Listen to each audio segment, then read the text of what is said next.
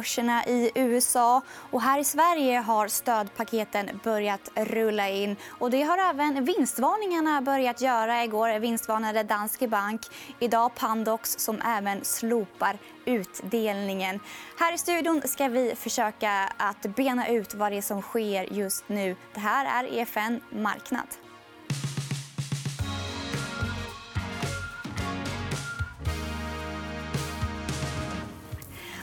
Och till vår hjälp har vi Alexandra Stråberg. Varmt välkommen. Tackar. Ja, nya ras på USA-börserna igår. S&P stängde ner minus 12% Har vi börjat se en botten här? Eh, nej. nej. nej, jag tror inte det, tyvärr. Eh, och det är ju att... Eh, Alltså, Fed gick ut igår med ett enormt stort stödpaket, vilket är helt rätt. Det är lite skolboksexempel på hur man ska göra. I förrgår. I förrgår, förlåt. I förrgår. Och det, men marknaden har ju liksom inte tagit emot det här särskilt väl. Då måste man fråga sig varför. Jag tror inte att det beror på det som sker i omvärlden. utan jag tror att Det beror på dels eh, att man fortfarande ser spridningseffekterna. Att USA är ju faktiskt på väg in i, ett ganska, i en ganska akut fas. Mm. Eh, och sen så tycker jag också att det Powell indikerade lite var att nu förväntar man sig lite mer finanspolitiska åtgärder.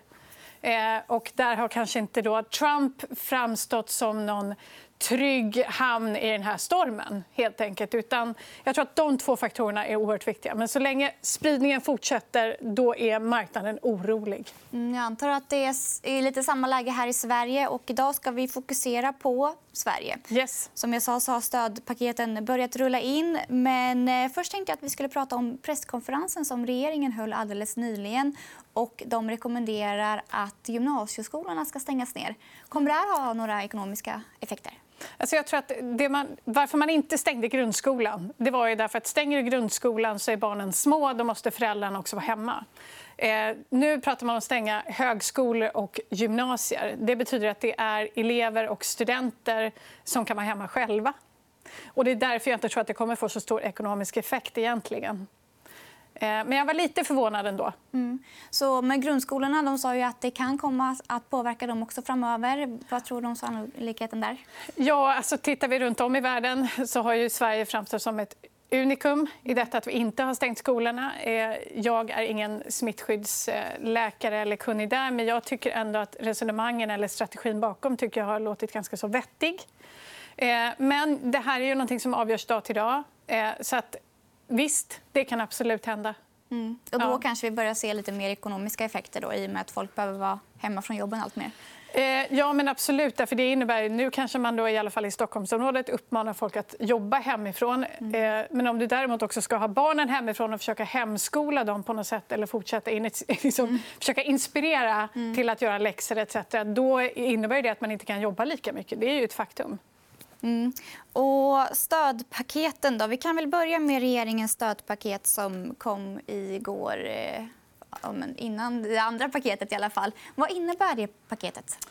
Ja, men egentligen så alla de här paketen eh, det innebär ju att i den här akutfasen kan man säga det finns två olika vägar. Eller det man gör nu, helt enkelt. Det ena är att man eh, tillför mer resurser till vården för att kunna hantera eh, situationen i vården. Och det andra man försöker göra det är att hjälpa företagen i den här mest akuta fasen. Det vill säga försöka öka tryggheten för dem. Var inte orolig. Du får pengar, du behöver inte betala sjuklön. Du kan permittera folk med bibehållen lön. Det vill säga du behöver inte avskeda dem.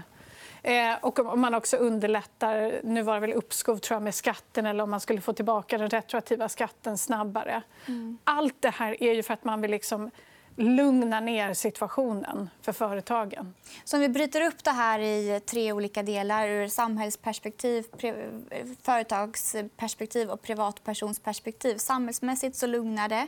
Företagen lugnar det också, för de får lite mer utrymmen och de får även stöd. Hur påverkar det här privatpersonerna? Ja, det, alltså, jag kan tycka att det finns ju en realekonomisk effekt på privatpersoner. Eh, och sen så finns den här... Eh, när, jag åkte hit idag så var det nästan som krigsstämning mm. på stan. Och jag tror att man på något sätt exponentiellt ökar effekten genom att inte agera rationellt. Och att agera rationellt och hålla huvudet kallt det är väl mycket att eh, begära i en sån här situation. Men, eh, men det här gör att vi får en ganska exceptionell situation. Eh, men för privatpersoner så är det såklart en oro för privatekonomin i och med börsfallet. Det är en oro för sin arbetssituation eh, och såklart en oro för ska jag kunna betala mitt bostadslån. Mm. Och där försöker då regeringen dels att hjälpa till, det vill säga man vill göra så att du inte blir uppsagd. Mm. Man vill hjälpa till så att du får amorteringsfritt, kanske. Mm. Eh, eller Finansinspektionen i alla fall gick ut och sa det. Eh, så man försöker hela tiden, de här farhågorna som folk har försöker man ju ändå att begränsa. Mm, och I andra länder har de ju, privatpersonerna fått pengar in på sitt konto. Är det någonting som kommer komma i Sverige, tror du? Alltså, vem vet? Riksbanken har ju inte sagt att de eh, eh, utesluter någonting. Mm. Eh, men det handlar om så kallade helikopterpengar. Mm. Eh, sen så tror jag att måste man också veta att helikopterpengar hjälper bara till de hushåll då som skulle konsumera. För Det är det som är idén. Mm. Här får ni pengar, konsumera, få igång ekonomin. Men om de här hushållen inte konsumerar utan istället sparar, då får du inte den effekten. Så att de hushåll som har en buffert, det vill säga som egentligen inte behöver de här pengarna, de klarar sig. Utan egentligen skulle man vilja pinpointa de här hushållen som är mer ekonomiskt utsatta. Eh, för det är de antalen som har högre sannolikhet att konsumera. Mm. Men jag tror att det finns ett antal moment som vi måste ta oss igenom innan det här händer. Mm. Och du var inne på varsel och det, mm, att eh, det här paketet ska göra så att man inte behöver varsla lika mycket. Vi kan väl titta på vilka branscher som varslar mest som det ser ut just nu. Det är hotell, det är restaurang och det är transport. Mm. Eh, och tror du att det här räcker för att hjälpa de här branscherna? Paketet på 300 miljarder kronor. Eh, antagligen inte. Eh, det, det, är mycket möjligt att man kommer behöva göra mer. Jag tror att man behöver göra mer och att man kommer att göra mer. Eh, men de här branscherna är enormt utsatta. Eh, och jag är kanske inte jätteorolig över om SAS kommer att klara sig eller inte. De här stora företagen där man har mer diversifierat, man är mindre sårbar. Jag är liksom mer orolig över pizzerian på hörnet. Småföretagen, om det här är tillräckligt. De som har få anställda, till exempel. Eh, så att här är mycket möjligt att vi kommer se någon typ av branschstöd. Alltså mer riktade stöd tror jag, till de här områdena. Men det är mer småföretagen, om man jämför med Lehman, Crushen till exempel så skulle jag säga att nu är det mer småföretagen som jag är orolig över än stora. Så det är ingen storbank som kommer gå omkull denna gången? Det vågar jag inte säga. Nej. Nej. Än så länge inte. Nej. Vi ska gå över till nästa paket. och Det kommer från Riksbanken. Ja. Och det är också 300 miljarder kronor. Ja, ja. ja samordnat. Ehm. Och vad är det vi ser här? Ett rekordstort paket. Ja, det är ju rekordstort. Och det, har man ju liksom, eh, det, här är också, det här är trygghet i form av pengar på marknaden, det vill säga ökad likviditet. Och nu har man pratat om inte bara statsobligationer utan bostadsobligationer, kommunobligationer etc. Så det här är ju liksom att öka kassaflödet igen. Alla de här åtgärderna man gör är att försöka trygga, lugna ner situationen. Eh, och, eh, Riksbanken gick ut och sa att eh, ja, men det här är inte slutet på det utan vi omvärderar hela tiden situationen.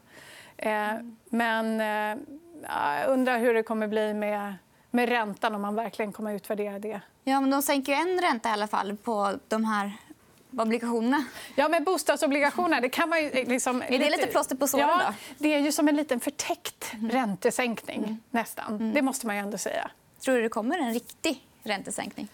Jag tror att det ligger eh, djupt inne eh, i Ingves. Det skulle göra ont. Mm. Eh, tror jag. jag. tror att han eh, känner sig ganska stärkt när Powell gick ut och sa att de inte såg att en negativ ränta var någonting för den amerikanska marknaden. Mm. Eh, å andra sidan så har ju Riksbanken varit ute. Alltså I det här pressmeddelandet så ser man att de skriver att vi kommer liksom utvärdera alla verktyg som vi har mm. för att kunna underlätta situationen. Är det de som kommer med helikopterpengarna eller är det regeringen?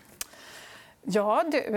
Eh, det är ju frågan. Det kan väl ske eh, båda två, kanske, lite beroende på hur man gör. Mm. Eh, men jag skulle tippa att det kommer från Riksbanken ändå. Men mm. där har man ju också pratat om just det här hur ska man göra riktade insatser så att de hamnar rätt och får rätt effekt. Mm. Det är det man hela tiden säger. Vilka branscher, vilka delar behöver vi stötta upp just nu? Ja, för samhällsmässigt, så, om vi pinpointar de här tre kategorierna igen, då, samhällsmässigt så minskade oron. Eh, företagsmässigt, hur påverkade de lite mer konkret? Eh, jag tror igen att det här handlar om det här handlar om möjlighet till utlåning. Jag tror inte att egentligen några företag sitter och tänker på vad de ska investera. Mm. Så pengarna kommer inte vara till att investera. utan De här pengarna är för överlevnad. Och för att man ska kunna överleva så måste du kunna planera. Så att då måste du känna dig trygg med att det här paketet är någonting som inte bara är just nu utan som kommer att följa med mig.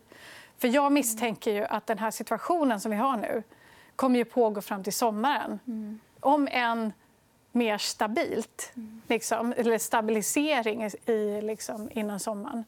Men jag tror att där kommer de offentliga finanserna in. Mm. För, och, och, privatpersoner, då? Eh, Riksbankens stödpaket når inte dig och mig ännu som privatpersoner? kanske? Nej, men inte än. Men, men som sagt, det beror ju på de här bostadsobligationerna, mm. billigare utlåning, kanske då den här förtäckta räntan etc. Men jag tror att eh, både du och jag känner, som alla andra känner, att eh, det är en ganska... Vad gör man helt enkelt rent psykologiskt om det är en ostabil situation eller en osäker situation? Ja, men vi avvaktar. Så att jag tror att för oss också, och för hela samhället och för marknaden så är det den här kurvan från WHO som visar som kommer vara helt avgörande. Det vill säga antal smittade.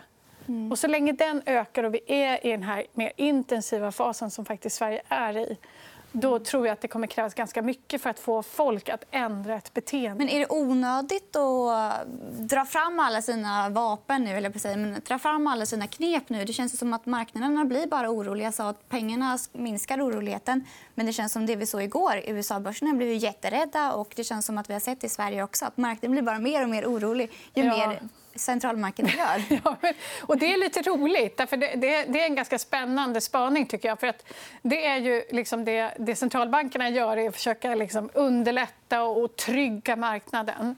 Och Då tänker marknaden och företagen å sin sida så här, nu vet centralbanken någonting som inte jag vet. Mm. Det här är mycket värre än vad jag trodde. Och så blir man liksom ännu mer rädd. Ja. Eh, och det är det jag menar med den här psykologiska effekten. Att det är ju, då får man liksom en omvänd reaktion egentligen på det här. Och då igen, då är det det här, okay, så länge vi har en eskalerad smittospridning eh, så kommer man liksom vara väldigt försiktig och inte riktigt veta hur man ska eh, göra. Det var, jag tror att det var Ingves som uttryckte det som att det åker slalom mellan rörliga portar. Ja, det är svårt. Ja, det är väldigt svårt. Ja. Men eh, tycker du att det är bättre att de eh, lånar ut obligationer än att de eh, sänker räntan? Um, det är svårt att veta. Jag har liksom inte ens... Alltså om man har lyssnat på Ingves så har jag aldrig liksom tänkt att just det här räntevapnet är något som man kommer ta till. Mm. Utan jag har liksom nästan lagt det åt sidan utan att tänka att vad kommer de att göra istället. Eh, och det här är väl det som de tycker är ett kraftfullt verktyg och en åtgärd just nu. Och jag har inget egentligen negativt att säga om det. utan Jag tycker att de drar på rätt väl. Eh, mm. Kanske inspirerade av amerikanska centralbanken. Mm. Så det, här, det här kan absolut vara eh, rätt. Eh, om vi tittar lite framåt, mm. liksom, om vi säger att det här är över till sommaren, vilket vi liksom, fingers crossed, när du menar vad är över? Är det spridningen är över eller är det krisen Den mest över? kaotiska, alltså en stabilisering av situationen generellt. Då tror jag att vi kommer titta tillbaka på det här och lära oss en massa. Mm. Vi kommer lära oss vad som var smartast strategi hälsomässigt. Det vill säga om Folkhälsomyndigheten hade rätt. Vi kommer lära oss vilken penningpolitik som fungerade bäst under exceptionella eh, situationer. Eh, och vi kommer att lära oss också hur den här masspsykosen gjorde att vi fick en exponentiell situation och hur man skulle kunna göra nästa gång. Förutom positiva lärdomar, vad kommer vi se för andra långsiktiga effekter? Det, det här tycker jag som det blir liksom ännu mer intressant. Därför den där frågan är ju, okej, okay, nu har vi den här situationen. Det har påverkat på ett helt annat sätt än finanskrisen. Det har påverkat stater, det har påverkat regeringar, det har påverkat hushåll, företag. Alla delar egentligen av samhället har ju påfrestats. Mm. Eh, och då tror jag att det kommer få strukturella effekter.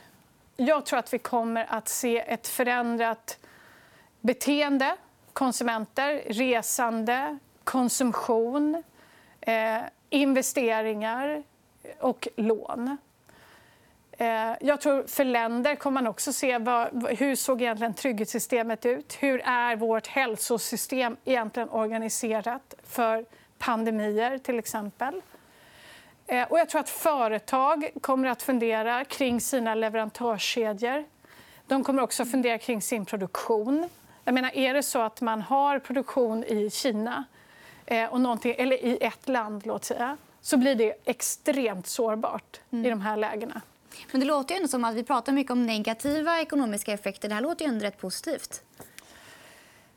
Ja, men jag tror att vi, av många olika skäl så tror jag att vi är på väg in i en ny version av globalisering. Helt enkelt. Och varje gång vi har en kris så lär vi oss någonting. Eh, är det här den sista pandemin vi kommer att gå igenom? Nej, det tror jag inte.